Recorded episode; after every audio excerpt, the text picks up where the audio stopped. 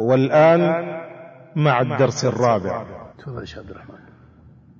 الحمد لله رب العالمين والصلاة والسلام على نبينا محمد وآله وصحبه أجمعين.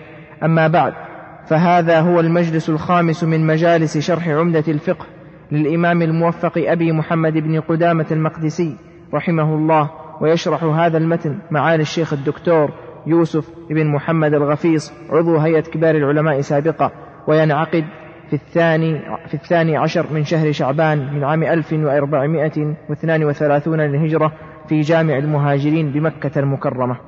قال المؤلف رحمه الله: الثامن ابن السبيل وهو المسافر المنقطع به وإن كان ذا يسار في بلده فهؤلاء هم أهل الزكاة.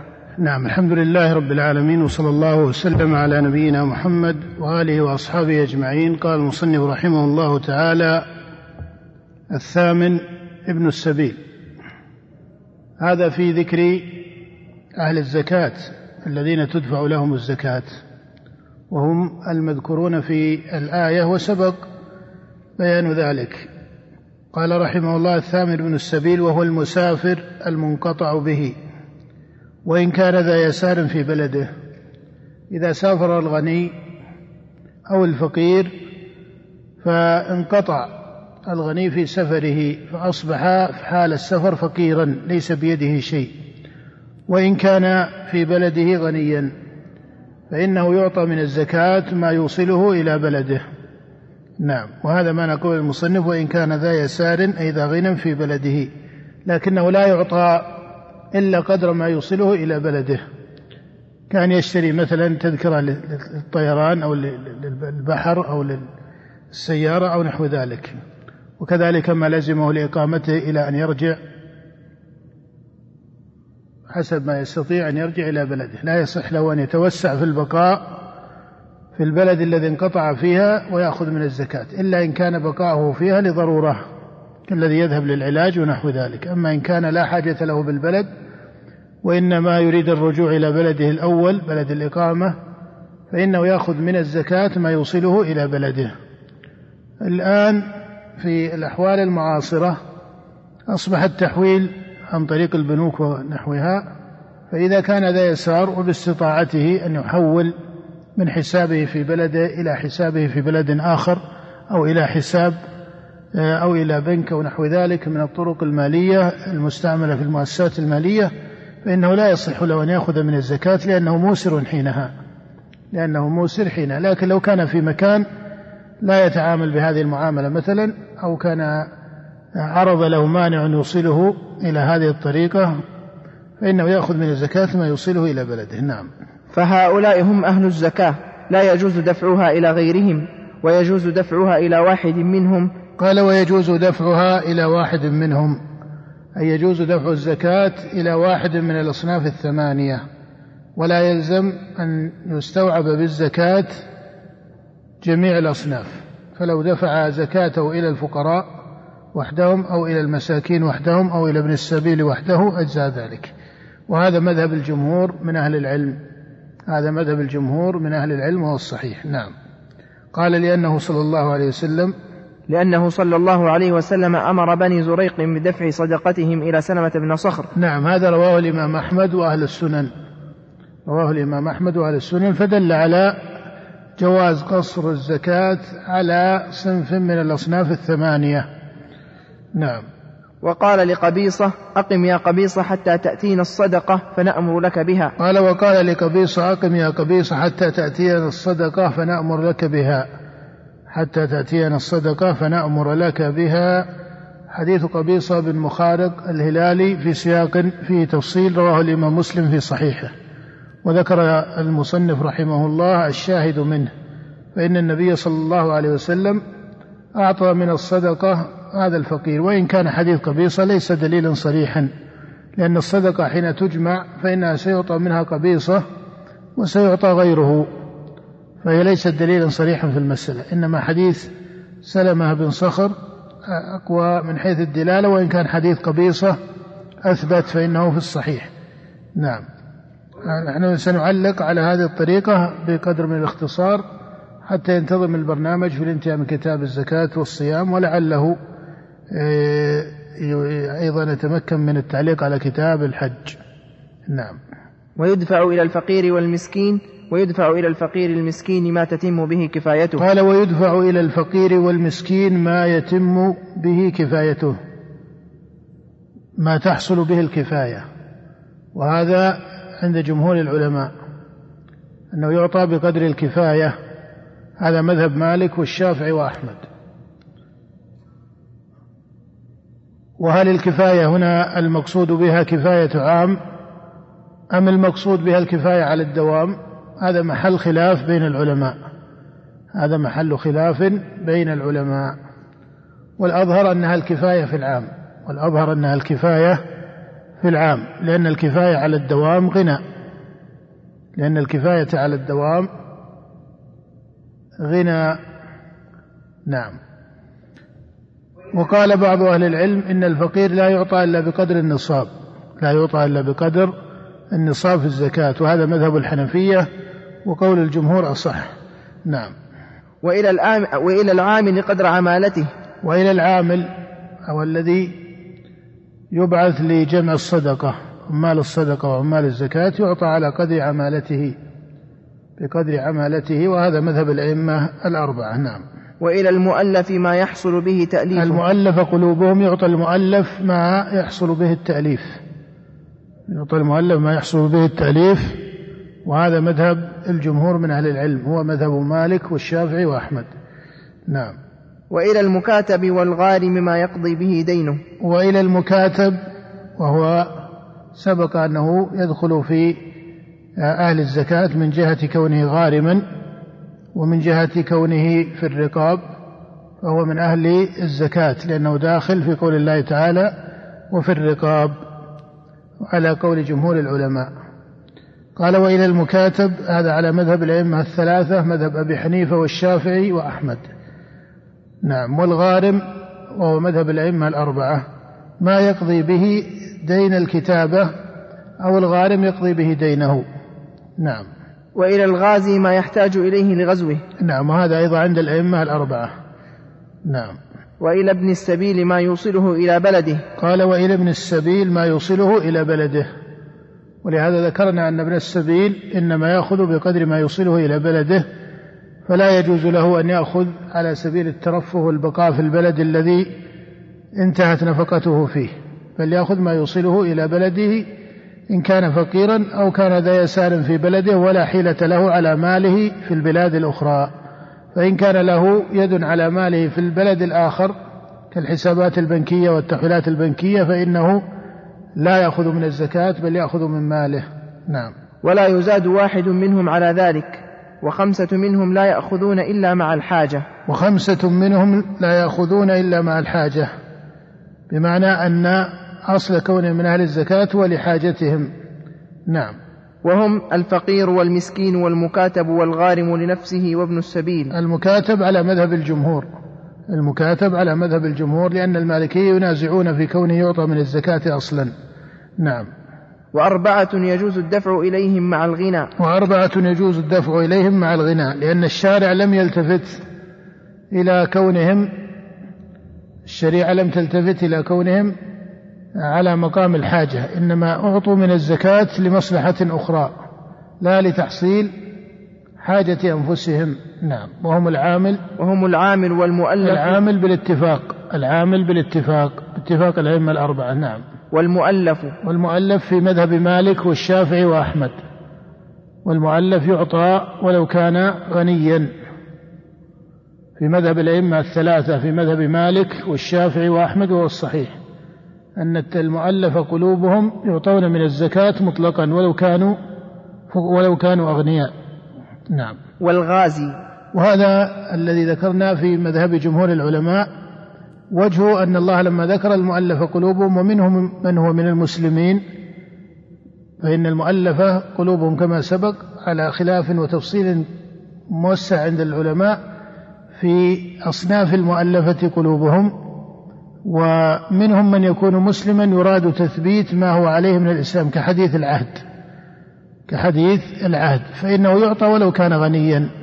لأنه لو كان لا يعطى إلا إن كان فقيرا لم يكن هناك معنى لكونه من المؤلفة قلوبهم فإنه إنما أعطي بكونه غنيا.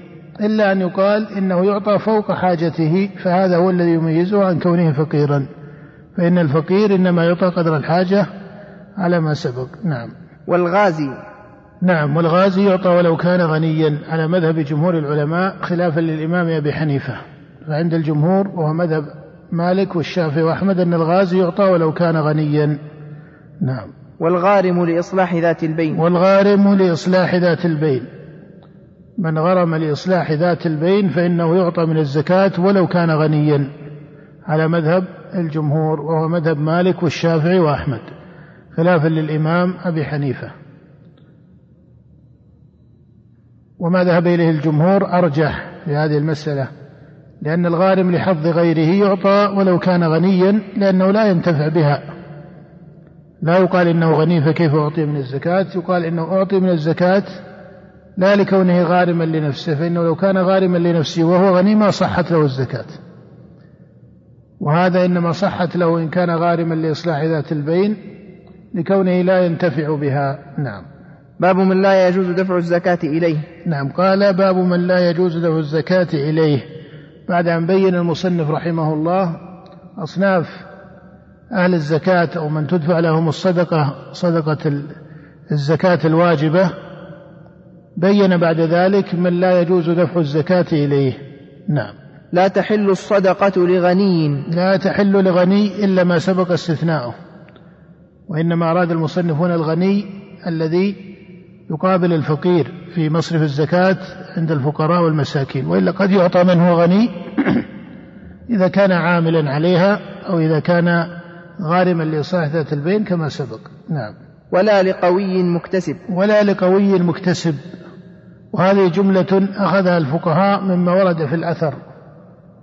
وإن كانت جملة فيها إجمال جملة فيها إجمال وإن كثر تعبير الفقهاء من فقهاء المذهب وغيرهم بها لكنها جملة مجملة. يعني قوله ولا لقوي مكتسب.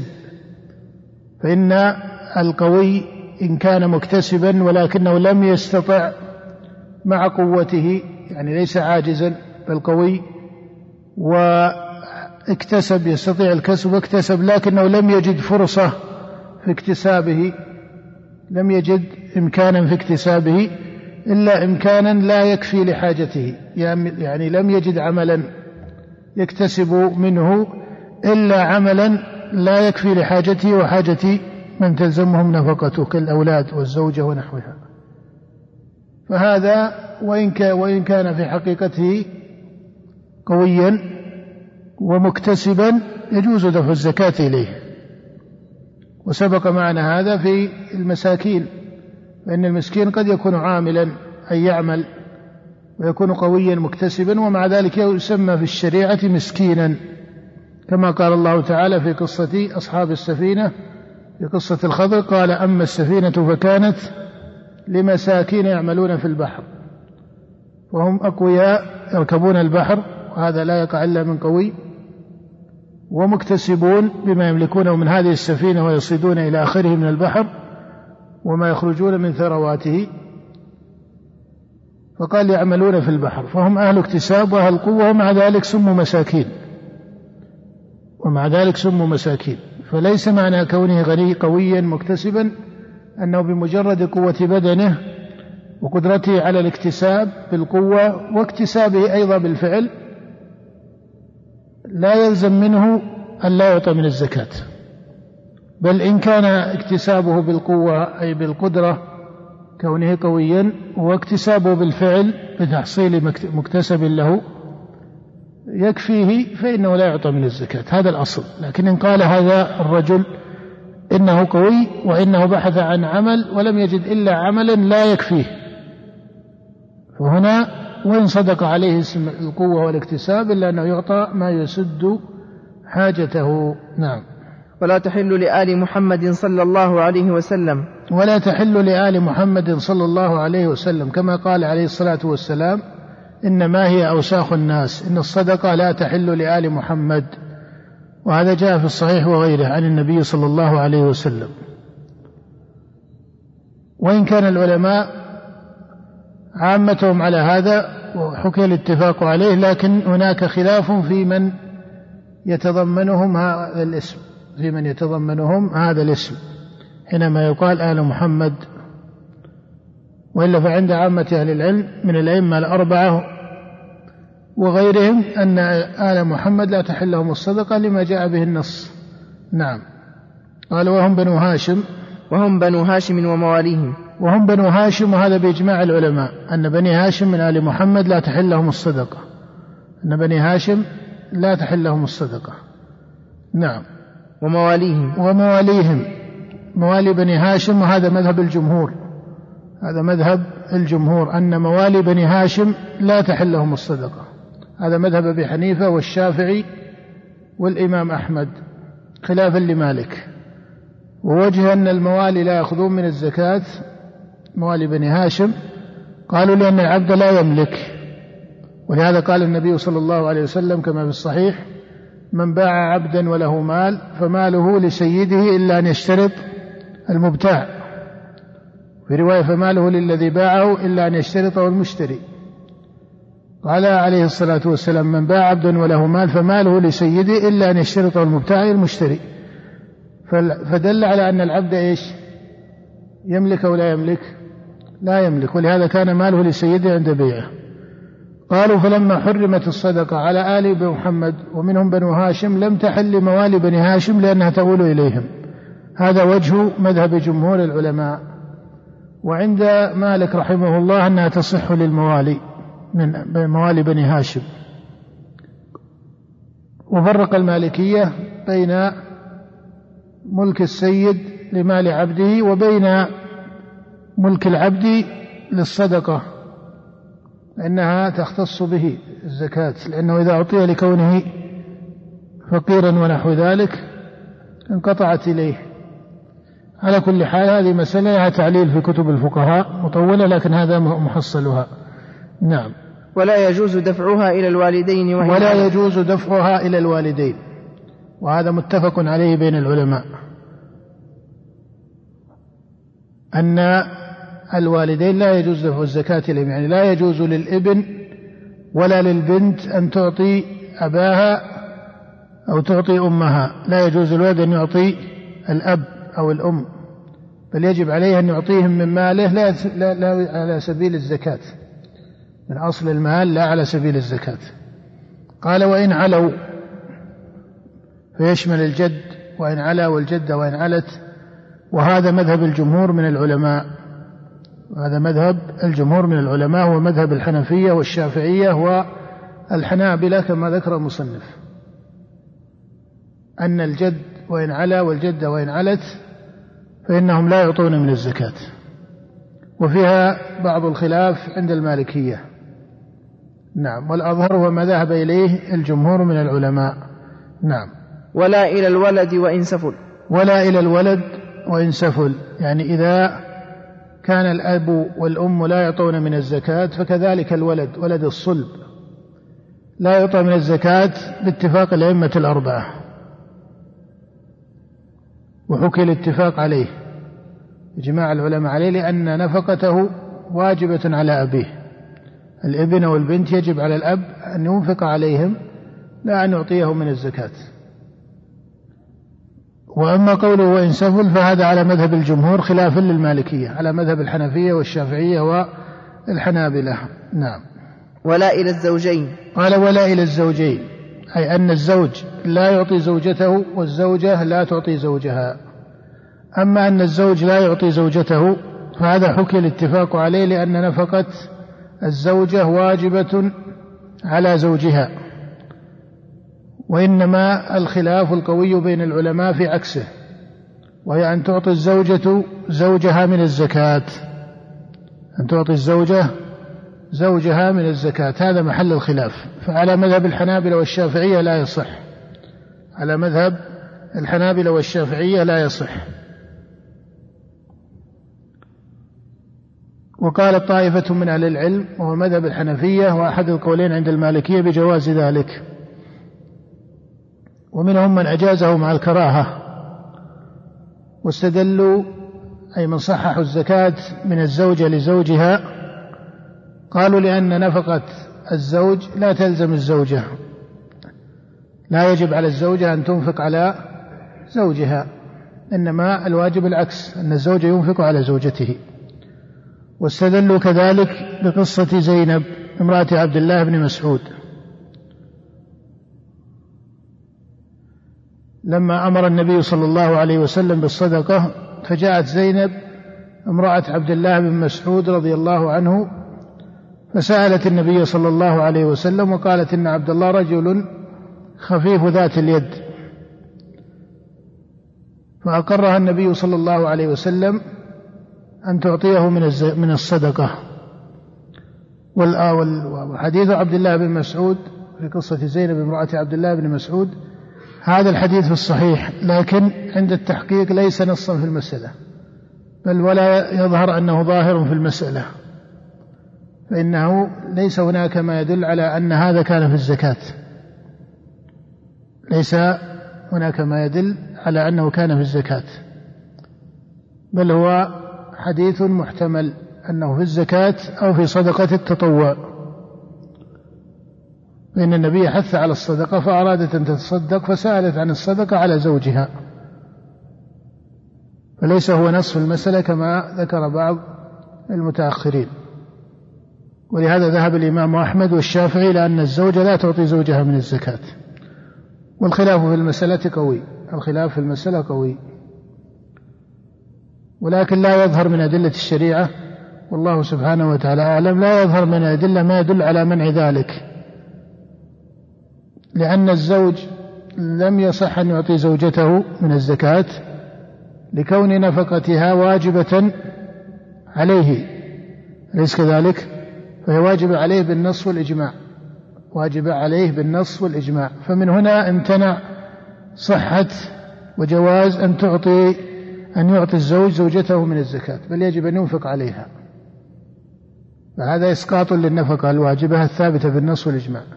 ولم يثبت مثله في حق الزوج مع زوجته يعني أن الزوج لا تجب له نفقة على زوجته. فلما كان لا تجب له نفقة على زوجته إذا كانت غنية ومن باب أولى إذا كان زوجها كذلك دل ذلك على أنه إذا كان الزوج فقيرا والزوجة غنية صح أن تدفع إليه. لكن ما أخذ كثير من الفقهاء من علماء المذهب وعلماء الشافعية يقولون لأنها تؤول إليه. قالوا لأنها تؤول إليه. إذا أعطت الزوجة زوجها من الزكاة يقولون إنها تؤول إليه إلى من دفع الزكاة.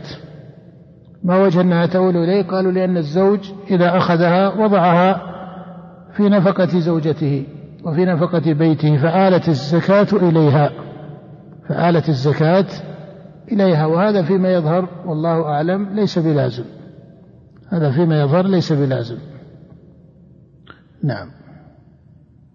يعني حينما يقال إنه ليس بلازم ليس معناه إنه لا يقع.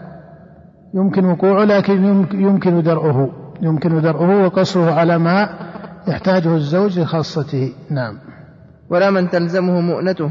نعم. كذلك من تلزم المزكي مؤونته لا يجوز دفع الزكاة إليه. نعم. ولا إلى الرقيق. قال ولا إلى الرقيق لأنه لا يملك بل ماله لسيده إجماعا. أي لا يجوز دفع الزكاة إلى الرقيق بإجماع العلماء لأن ماله لسيده كما سبق في حديث عبد الله بن عمر في الصحيح. نعم. ولا إلى كافر. قال ولا إلى كافر هذا من حيث الأصل أن الزكاة المسلمين بخلاف الصدقة فإنه تصح الصدقة على غير المسلم. صدقة التطوع وإن كان الأولى بها المسلم وهو الأصل فيها لكنها تقع على غير المسلم. ويستثنى من ذلك في الزكاة ما يتعلق بالمؤلفة قلوبهم في كلام كثير من الفقهاء وسبق هذا. أن المؤلف قلوبهم قد يكون منهم من ليس مسلما في بعض أو في رأي في أحد قولي العلماء. لأن المؤلف قلوبهم هل يكون منهم من ليس مسلما أم هي خاصة بمن أسلم ويراد تثبيت إسلامه؟ هذا محل خلاف. نعم. فأما صدقة التطوع فيجوز دفعها إلى هؤلاء وإلى غيرهم. فأما صدقة التطوع فيجوز دفعها إلى هؤلاء إلى أهل الزكاة الثمن وإلى غيرهم. من المسلمين بل ويجوز أن يعطى من ليس مسلما على سبيل الخير على سبيل الخير. نعم. ولا يجوز دفع الزكاة إلا بنية. قال ولا يجوز دفع الزكاة إلا بنية. يعني لو أعطاها لم يرد بها زكاة. ثم بعد أن نظر في ماله قال أردت بعد ذلك استأنف إرادة. وقال ما أعطيته لزيد في مناسبة كذا وكذا. فاحتسبها من الزكاة. كان يأتيه رجل فيشكو إليه فاقة أو دينا فيدفع إليه مالا لم يرد به الزكاة. ثم إذا جاء تمام الحول قال أردت فينشئ إرادة. قال ما أعطيته لزيد أو لعمر قبل شهر أو شهرين فهو زكاة معجلة. هذه الإرادة المستأنفة لا تصح. لا تصح. لكن لو أنه أعطاه حين أعطاه وهو يريد أنها زكاة معجلة صح. نعم. إلا أن يأخذها إلا أن يأخذها الإمام قهرا. نعم إلا الإمام إذا أخذها أي السلطان إذا أخذ قهرا فإنها تقع ولو لم ينوها رب المال. نعم. وإذا دفع الزكاة إلى غير مستحقها لم يجزه إلا الغني إذا ظنه فقيرا. قال لم يجزه وإذا دفع الزكاة إلى غير مستحقها لم يجزه إلا الغني إذا ظنه فقيرا. هذا من مفردات مذهب الإمام أحمد خلافا لجمهور العلماء. نعم. وإلا في الجمهور يرون أنه إن دفعها إلى غني يظنه فقيرا لم تجزئه. أن الجمهور يظنوا يقولون الجمهور من العلماء يقولون إن دفعها إلى غني ظنه فقيرا لم تجزئه. من مفردات مذهب الإمام أحمد أنه إن دفعها إلى غني يظنه فقيرا أجزأته. نعم. كتاب الصيام. نعم قال رحمه الله كتاب الصيام.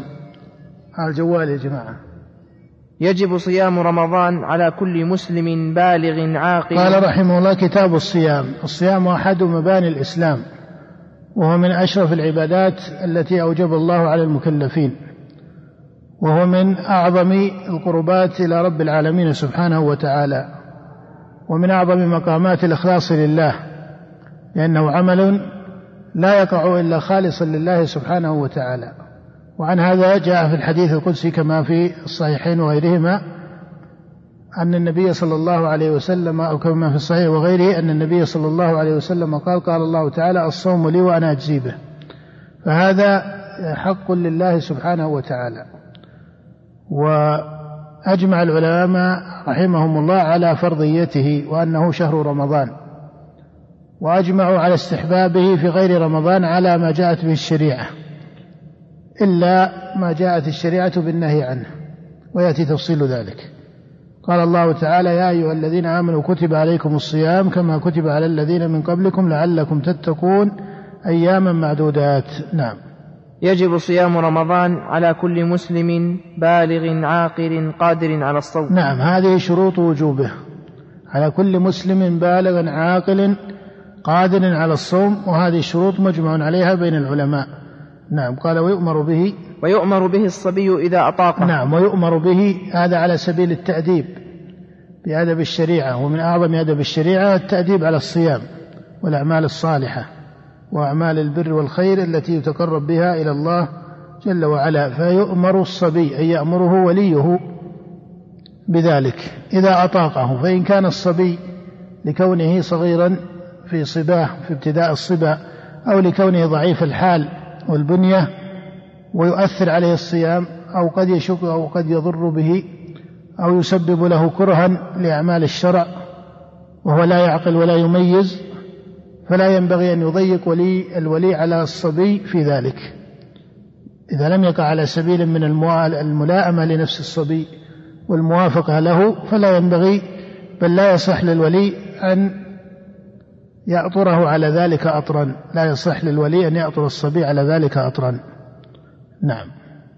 ويجب بأحد ثلاثة أشياء كمال شعبان ورؤية هلال قال ويجب بأحد ثلاثة أشياء. أن يثبت وجوبه بأحد ثلاثة أشياء. الأول قال كمال شعبان. فإذا أكملوا شعبان ثلاثين يوما علم أن ما بعد الثلاثين هو اليوم الأول من رمضان. لما؟ لأن الشهر في السنة الهلالية لا يكون 31 بل كما قال النبي صلى الله عليه وسلم كما في الصحيح عن أبي هريرة إن أمة أمية لا نكتب ولا نحسب الشهر هكذا وهكذا وهكذا. فذكر يعني أشار بأصابعه عليه الصلاة والسلام العشرة. ثم قال والشهر هكذا وهكذا وهكذا وعقد الإبهام في الثالثة أن يكون إما ثلاثين أو تسعا وعشرين. نعم. فإذا أكمل شعبان هذا بإجماع العلماء أنه يثبت الصوم فيكون ما بعد شعبان بعد الثلاثين من شعبان هو الأول من رمضان إجماعا. نعم. ورؤية هلال رمضان. ورؤية الهلال. وإن كانوا مختلفين بما تثبت الرؤية هل بشاهد واحد عدل أم بشاهدين؟ لكن برؤية الهلال. وهذا أيضا مجمع عليه بين العلماء أن الرؤية معتبرة بل هي الأصل. في الاعتبار من جهة تكليف المكلفين لأن لأن الرؤيا فيها تكليف. بخلاف إكمال العدة فلا تكليف فيه من حيث المعرفة به لأنه يعلم ضرورة لا اكتسابا. هذا الفرق. إكمال ثلاثين من شعبان يعلم ضرورة أليس كذلك؟ ولهذا إذا تم الناس ثلاثين من شعبان ما يحتاج إلى أن يقولون إيش؟ تأكدوا أو تأملوا أو, أو تتبعوا إن, إن أمر انتهى ضرورة. بخلاف الرؤيا فهي اكتساب. ولهذا ينبغي ويشرع وهذا من فروض الكفايات على المسلمين. والأصل أن السلطان يأمر به. أن من فروض الكفاية عليهم أن يروا الهلال أو أن يتراءوا الهلال في وقته. فإن رأوا الهلال صار هذا موجبا للصيام إلا ما اختلف العلماء فيه في القدر وإلا فالرؤيا مجمع عليها. إنما اختلفوا هل يصومون برؤية الواحد أم لا بد من شاهدين. نعم. ووجود غيم أو قدر ودليله صوموا لرؤيته وأفطروا لرؤيته. صوموا لرؤيته وأفطروا لرؤيته. نعم. ووجود غيم أو قتر ليلة الثلاثين يحول, دي يحول دونه. وجود. ووجود غيم أو قتر ليلة الثلاثين يحول, دو يحول دونه. نعم. هذا من مفردات مذهب الإمام أحمد رحمه الله وهي رواية عن الإمام أحمد وهي المشهورة في مذهب المتأخرين من الأصحاب رحمهم الله أنه إن حال دون رؤية الهلال ليلة الثلاثين غيم أو قتر يعني ليلة التي يتراءى فيها الهلال حال دونه غيم أو قتر فهل يكملون ثلاثين يوما شعبان أم يجب الصيام؟ من مفردات المذهب أنه يجب الصيام.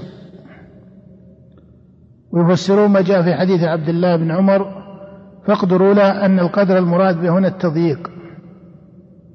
أن القدر المراد به التضييق. إن ربك يبسط الرزق لمن يشاء ويقدر. فظن أن لن نقدر عليه إلى أن نضيق عليه. وقالوا والتضييق هو أنه يقصر على تسعة وعشرين ويصام احتياطا لفريضة الصيام. هذا وجه مذهب الإمام أحمد. والجمهور من العلماء على أنه لا يجب الصيام على أنه لا يجب الصيام. قالوا لأنهم لم يروا الهلال ولم يكملوا عدة شعبان. والأصل عدم دخول رمضان الأصل بقاء شعبان.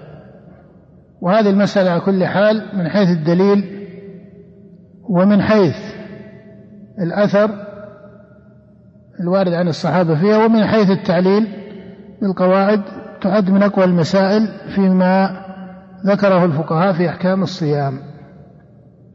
تعد من أقوى المسائل فيما ذكره الفقهاء من أحكام الصيام. نعم.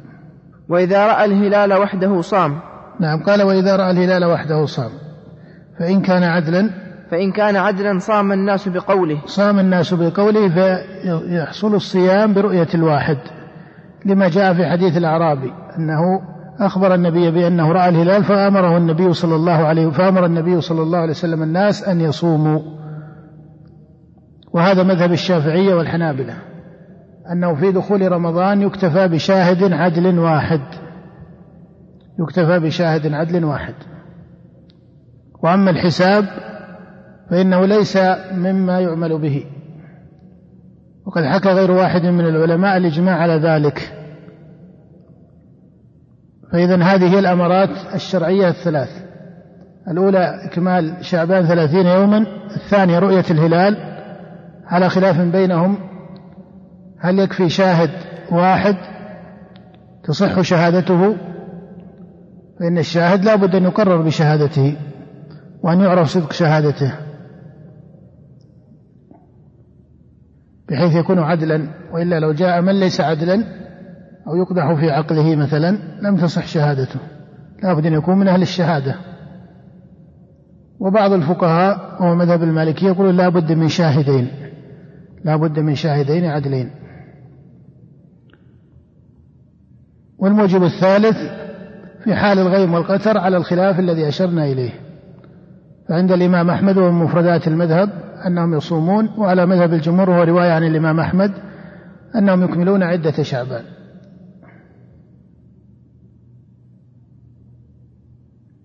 وهذا خلاف قوي في المسألة. هذا خلاف قوي في المسألة كما سبق. وأما الحساب فإنه لا يصار إليه. وقد حكى غير واحد من الفقهاء الإجماع على ذلك وممن حكى الإجماع على ذلك أبو الوليد بن رشد الحفيد وهو عارف بعلم الحساب فإنه فيلسوف ناظر عالم بعلم الحساب والفلك ومع ذلك فإنه أقر بما ذكره الفقهاء وحكى الإجماع على ذلك لأن الشارع لم يعلق ذلك بالحساب. فضلا عن كون الحساب يختلف ليس الحساب واحدا. نعم. ولا يفطرون إلا بشهادة عدلين. قال ولا يفطرون إلا بشهادة عدلين. نعم هذا على مذهب الأئمة الأربعة أنهم لا يفطرون إلا بشهادة عدلين. فمن العلماء من قال إن دخول رمضان وخروجه لا بد من شاهدين عدلين وهذا مذهب المالكية وطائفة. ومنهم من فرق بين دخوله وبين خروجه كما هو المشهور في مذهب الشافعي وأحمد. نعم. ولا يفطر إذا رآه وحده. قال رحمه الله ولا يفطر إذا رآه وحده وهذا عليه الجماهير من العلماء لأن الصوم يوم يصوم الناس والفطر يوم يفطر الناس ولأنه إذا رآه وحده لم يعتد به. لغيره فلا يعتد به لنفسه. إذا رآه وحده لم يعتد برؤيته وحده لغيره من المسلمين فلا يعتد بها لنفسه. مما يدل على إسقاط الشارع لها. وعلى هذا مذهب الجمهور من الأئمة. ومذهب أبي حنيفة ومالك والإمام أحمد. نعم. وإن صاموا بشهادة اثنين ثلاثين يوما أفطروا. قال وإن صاموا بشهادة اثنين أي بشهادة عدلين ثلاثين يوما أفطروا. وهذا مذهب الجمهور من العلماء هو مذهب أبي حنيفة والشافعي وأحمد. ووجهه أن الشهر لا يزيد عن ثلاثين. فإذا صاموا بشهادة عدلين ثلاثين يوما أفطروا. وهذا المذهب مذهب الأئمة الثلاثة مذهب أبي حنيفة والشافعي وأحمد. ووجهه أن الشهر لا يزيد عن ذلك وقد ابتدأوا الصوم بشهادة عدلين. وعند الإمام مالك ينظر في حال الشهر ينظر في حال الشهر لاحتمال خطأ العدلين. لاحتمال خطأ العدلين نعم. وإن كان بغيم أو قول واحد لم يفطروا إلا أن يروه. وإن كان بغيم وهذا لا يقع إلا على مذهب الإمام أحمد لأن الجمهور يقولون لا يصومون أليس كذلك؟ هذا فرع عن مذهب الإمام أحمد أنهم يقولون إذا كان ليلة الثلاثين غيم فإنهم يصومون أليس كذلك؟ المسألة اللي سبقت معنا قبل قليل. قلنا أنها من مفردات المذهب. أو قول واحد كذلك إذا كان القائل واحدا لم يفطروا. وهذا مذهب الأئمة الأربعة. هذا مذهب الأئمة الأربعة. نعم. إلا أن يروه أن يكملوا العدة. إلا أن يروه أي الهلال أو يكملوا العدة. وإذا اشتبهت؟ وإذا اشتبهت الأشهر على على الأسير تحرى وصام. قال وإذا اشتبهت الأشهر على الأسير تحرى وصام. يعني لو كان أسيرا عند الكفار لو كان مسلم أسيرا عند الكفار ولا يعلم متى يكون رمضان. لا يعلم حساب الأيام لكونه مغلقا عليه. عن المعرفة بالمواقيت والمعرفة بدورة الزمان ودورة الشهور. يقول المصنف تحرى وصام أي يتحرى هذا الأسير بما يغلب على ظنه ويصوم. نعم. فإن وافق الشهر أو ما بعده أجزأه. فإن وافق الشهر أو ما بعده أجزأه. باتفاق الأئمة الأربعة وعليه عامة العلماء. أما إن وافق الشهر فهذا بإجماع العلماء إجماعا ثابتا. وكذلك إن كان بعده. وإن لم ينوي به القضاء. قالوا إنه يجزي إذا كان بعده لأنه يقع قضاء. أليس كذلك؟ فإنه إن كان صادف رمضان فهو على وجهه وإن كان بعده فقد صادف وقت إيش؟ وقت القضاء. إن كان بعده فقد صادف وقت القضاء. نعم. وإن وافق قبله لم يجزئ وإن وافق قبله لم يجزئه. يعني لو لو كان تحريه تبين أنه في شهر رجب. فهذا قبل رمضان لا يجزئ لكن لو كان تحريه تبين أنه في شهر ذي القعدة. أجزى لأنه محل للقضاء بعد فوات رمضان. نعم. باب أحكام المفطرين في رمضان ويباح الفطر في رمضان. الأصل هو وجوب الصيام. الأصل وجوب الصيام. لأن الله سبحانه وتعالى قال يا أيها الذين آمنوا كتب عليكم الصيام. فالأصل في رمضان وجوب الصيام. والفطر في رمضان خروج عن هذا الأصل ولذلك يقيد بما ورد النص به.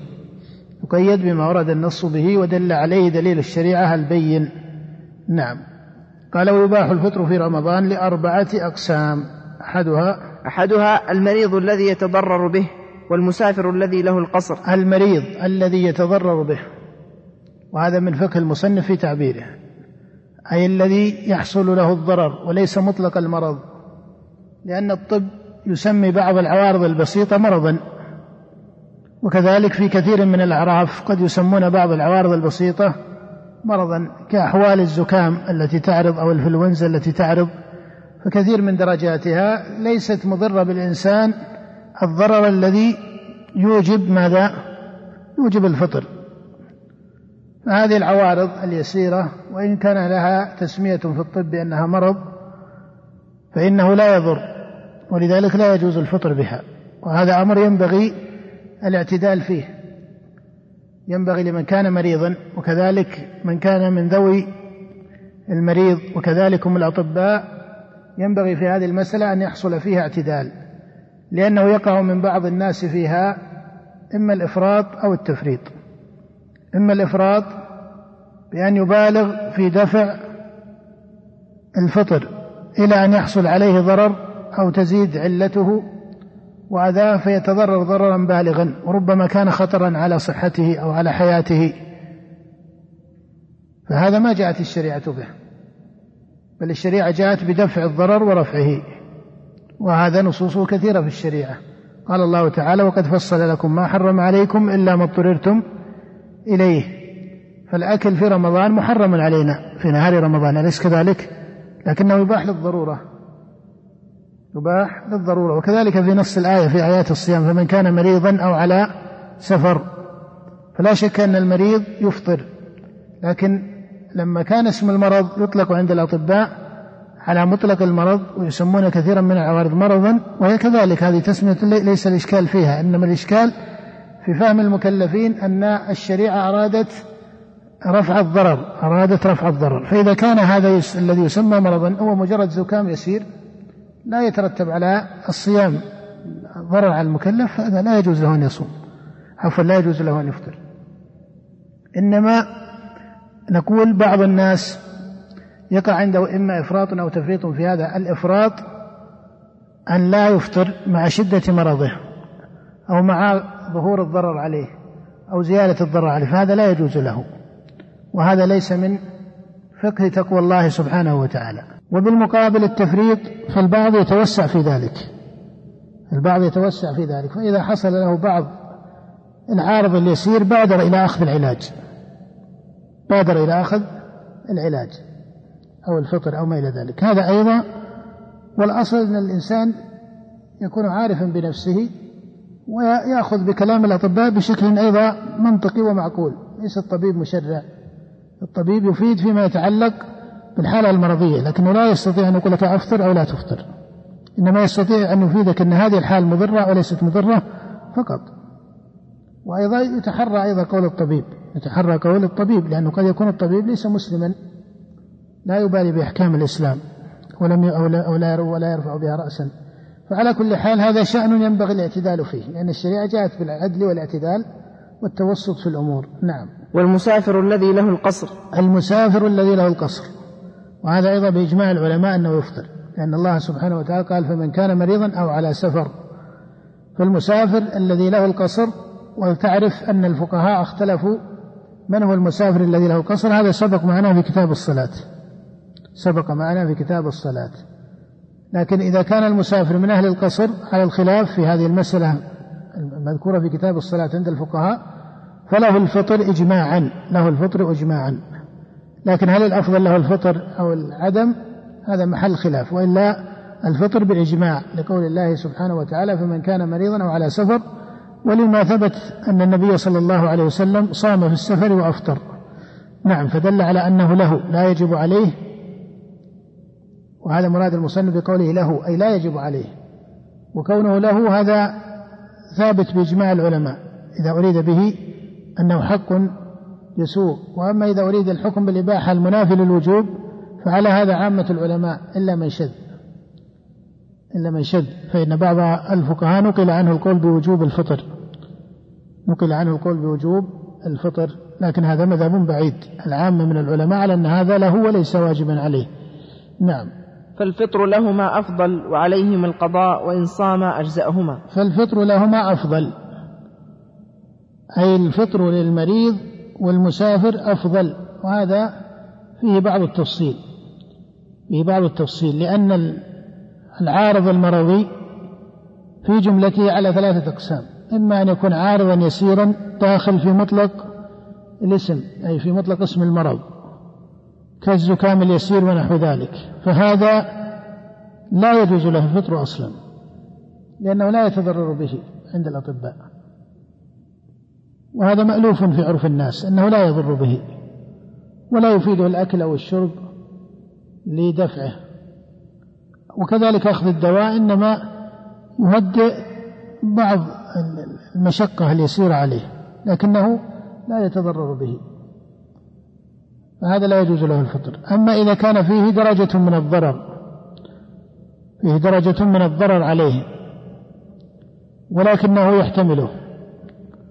يعني لا يؤدي إلى تلف في النفس أو تلف في عضو من الأعضاء فاحتمل هذا وصام أجزأه الصيام مع أن له الفطر لوجود إيش؟ مع أن له الفطر لوجود الضرر مع أن له الفطر لوجود الضرر. أما إذا كان الضرر يتعلق به تلف النفس أو تلف عضو من الأعضاء. أفاده الأطباء أن هذا الضرر قد يتلف النفس بالموت أو يتلف عضو من الأعضاء. فهذا لا يجوز له إيش؟ لا يجوز له الصيام بل يجب وجوبا عليه الفطر. إذن هذا هو التقسيم المتحصل في مسألة المريض.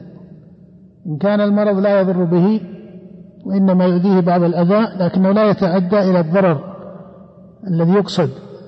رفعه في الشريعة هنا. هذا لا يجوز له الفطر. وإن سماه من سماه من أهل العرف والأطباء سمى الحالة حالة مرضية. ومثلنا لهذا. وإما أن يكون ضررا لكنه لا يصل إلى درجة التلف في النفس أو في عضو. فهذا يجوز له الفطر ولكن لو أنه صام أجزأه.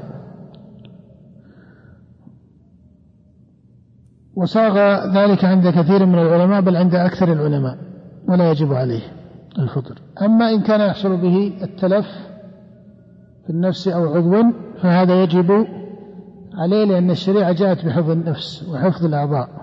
نعم. الثاني الحائض. هذا بالنسبة للمريض. قال المسافر هل الأفضل له الفطر؟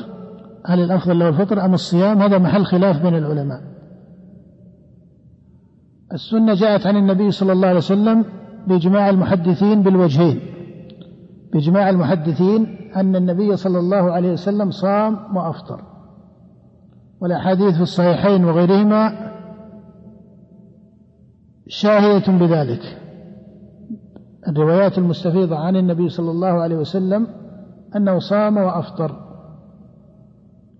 وفي بعض الحال لم يصم إلا هو ونفر يسير من أصحابه.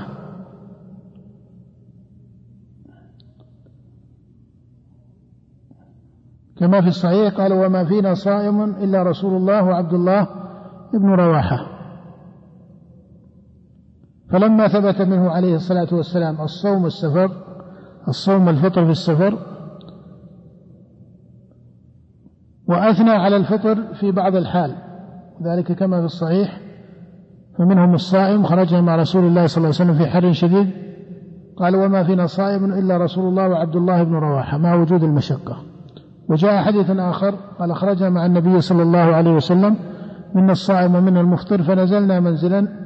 فقام المفطرون فسقوا الركاب فسقوا الركاب ونصبوا الخيام.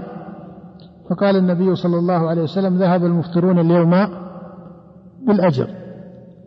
فثناؤه صلى الله عليه وسلم وقوله ذهب المفطرون بالأجر على الأظهر أنه لا يدل على أن الفطر أفضل مطلقا. لأن هذا ذكر لحالة إيش؟ ذكر لحالة إيش؟ معينة. ذكر لحالة معينة. وما قالها النبي إلا لما قاموا ونصبوا الخيام وسقوا الركاب. فلما ترجح بهذه المصلحة فطرهم أثنى النبي عليهم. ليس كما قال مثلا في الحلق والتقصير اللهم اغفر للمحلقين قالها ثلاثا. لأن هذا تقرير لأصل أو لحكم مضطرد في الحلق والتقصير بأن الحلق أفضل. لكن هذا إنما قاله النبي لما ظهرت تلك المصلحة بفعلهم بفعل المفترين.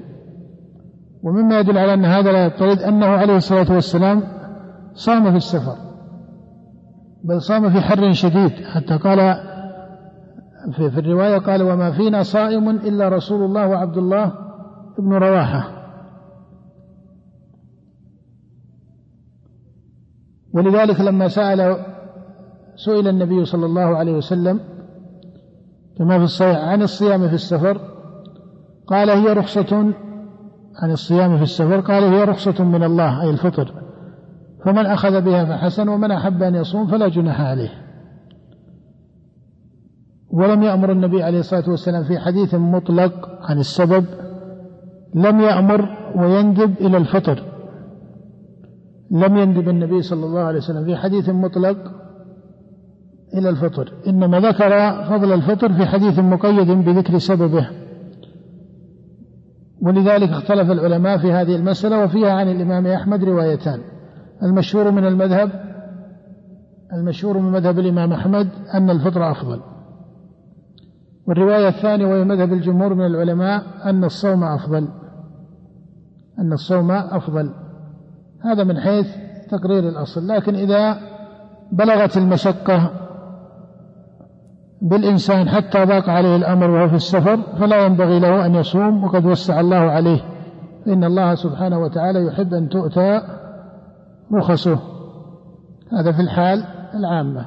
وإلا إذا أجهد الإنسان في سفر لسبب ونحوه حتى ضاق عليه أمر الصيام وشق عليه فهنا ينبغي أن يأتي الرخصة. ينبغي أن يأتي الرخصة. نعم. الأسئلة خلها بعدين بارك الله فيك. نعم. الثاني الحائض والنفساء. قال الحائض والنفساء بإجماع العلماء أن الحائض لا يجوز لها ولا يصح منها الصيام. لا يجوز هذا الحكم التكليفي يحرم. على الحائض والنفساء الصيام.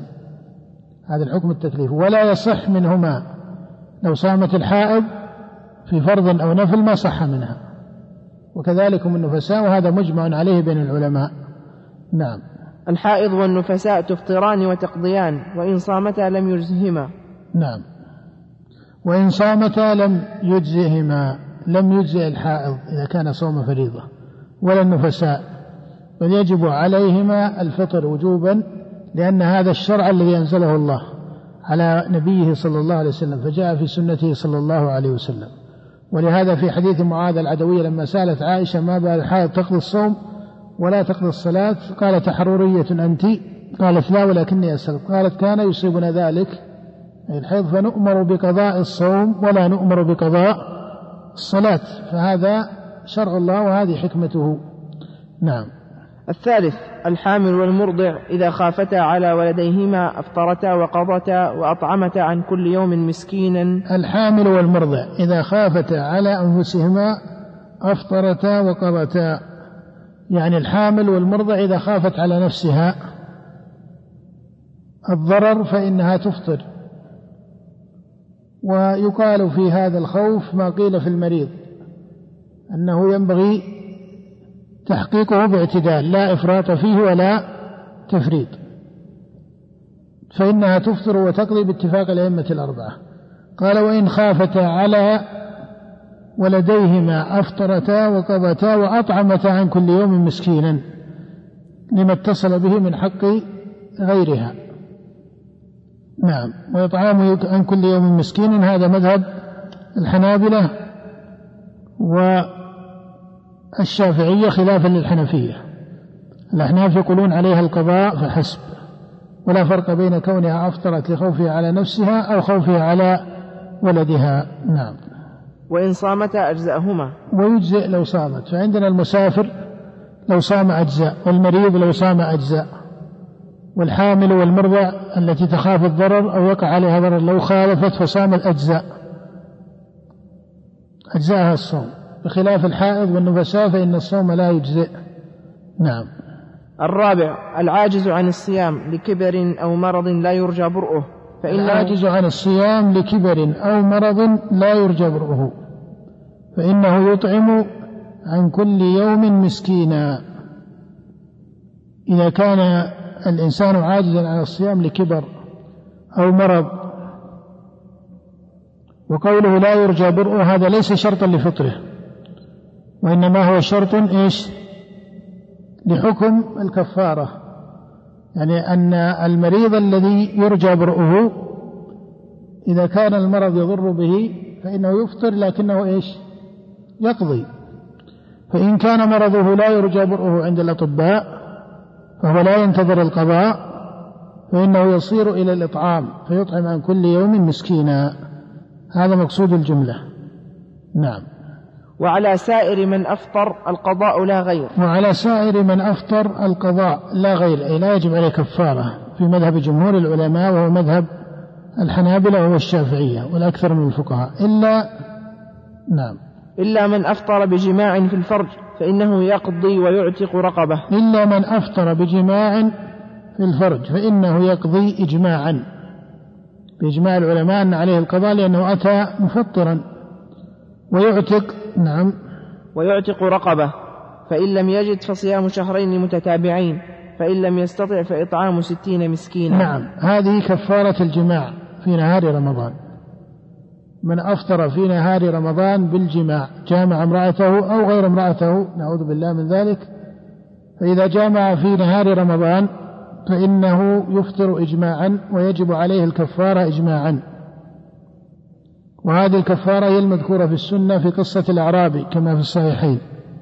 لما جاء أعرابي إلى النبي صلى الله عليه وسلم وقال يا رسول الله هلكت قال وما أهلك قال وقعت على امرأتي. فجاء ذكرها على هذه الصفة التي أشار إليها المصنف. لكن هل هذه الكفارة على سبيل الترتيب أم على سبيل التخيير؟ هذا مورد الخلاف بين العلماء. وإلا فهم متفقون على ما جاء في حديث الأعرابي. لكن هل هذا على سبيل الترتيب أو على سبيل التخيير؟ هذا مورد الخلاف والجمهور على أنه على سبيل الترتيب لأن النبي صلى الله عليه وسلم ابتدأ بها مسلسلة وفي كل واحد منها يقول هل تجد كذا؟ فيكون مفهومه أنه لا يصير إلى ما بعده.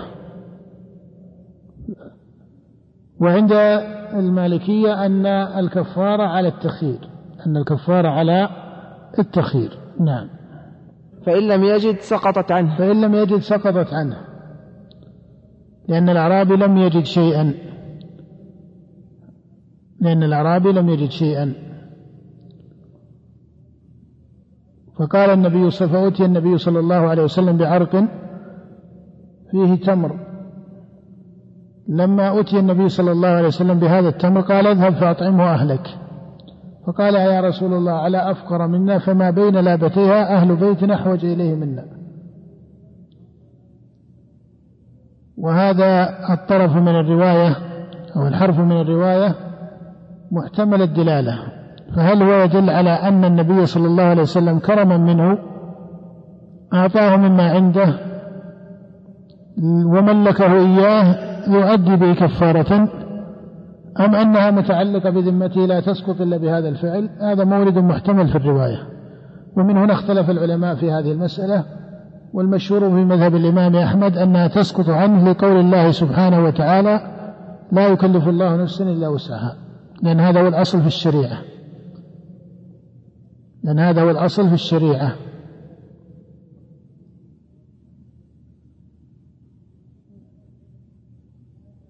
ومن أهل العلم وهم الجمهور قالوا إنها تبقى في ذمته. تبقى في ذمته. والمسألة خلافها قوي وهي محتملة. صحيح أن الأصل هو قوله سبحانه لا يكلف الله نفسا إلا وسعها لكنك تعلم أن هذا في غير الحق المالي وإلا الحق المالي إذا ثبت يبقى.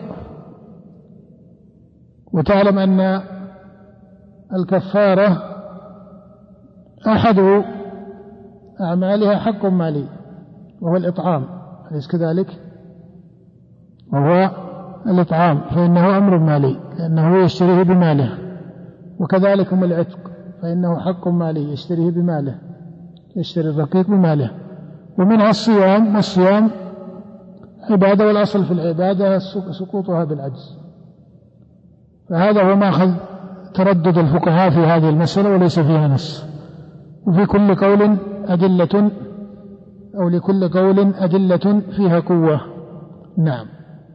فإن جامع ولم يكفر حتى جامع ثانية فكفارة واحدة. فكفارة واحدة. هذا بإجماع العلماء إذا كان في يوم واحد. يعني جامع في اليوم الواحد من رمضان مرتين فتكفيه كفارة واحدة. إن كان لم يكفر. نعم. فإن كفر فإن كفر ثم جامع فكفارة ثانية. فإن كفر ثم جامع فكفارة ثانية. إجماعا هذا في اليوم الواحد. أما إذا جامع في اليوم الواحد الأول ثم جامع في اليوم الثاني فهذا يجب عليه إيش؟ تجب عليه كم؟ كفارتان. سواء كفر عن الأولى قبل الثانية أو لم يقع إنما خلال إنما التفصيل الذي أشار إلى المصنف في اليوم الواحد. نعم. وكل من لزمه الإمساك في رمضان فجامع فعليه كفارة. نعم. ومن أخر القضاء لعذر حتى أدركه رمضان رمضان آخر فليس عليه غير القضاء. نعم حتى أدركه رمضان آخر. فليس عليه غير القضاء لأنه معذور. لأنه معذور. وإن أفطر وإن فرط يعني إن كان تفريطا ليس لعذر أطعم مع القضاء لكل يوم مسكينا في مذهب الجمهور من العلماء. وهذا مذهب الأئمة الثلاثة خلافا للإمام أبي حنيفة رحمه الله. فعند مالك والشافعي وأحمد يقضي ويطعم عن كل يوم مسكين. نخره إلى أن جاء رمضان آخر وليس معذورا. وعند الحنفية أنه لا يلزمه إلا القضاء لعدم ثبوت الدليل عندهم في مسألة الكفارة. نعم. وإن ترك القضاء حتى مات لعذر فلا شيء عليه.